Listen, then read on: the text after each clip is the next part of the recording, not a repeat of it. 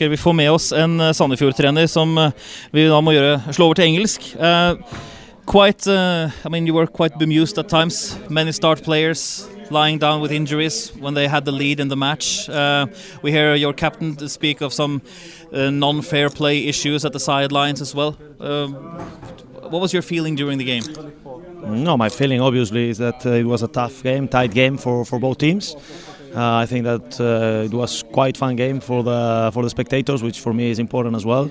And uh, obviously, I'm not satisfied because when we took the lead, then Start managed to create to create these two situations that we defend bit silly, and then they got the advantage. in between, we had this situation one-one that could change the, the game, but then when Start took the lead, they they tried to play on on a way that I respect. I just say that on those cases, I think that it's so important how the referees are making the the the things work.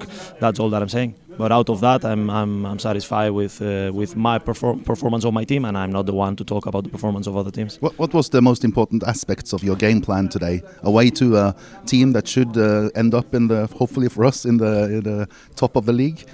Uh, what was your game plan like? We had a clear idea that we want to be uh, dominant and in the play as much as we can in the opponent pitch.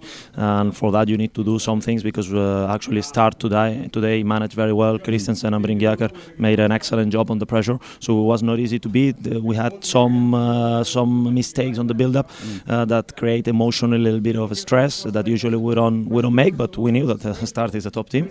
So, but one of the key points it was of course try to create these situations on behind the defensive line through using the half spaces through uh, accelerate a little bit what we call the match tempo on the last meters and, and through that I think that we made a quite good job in creating chances.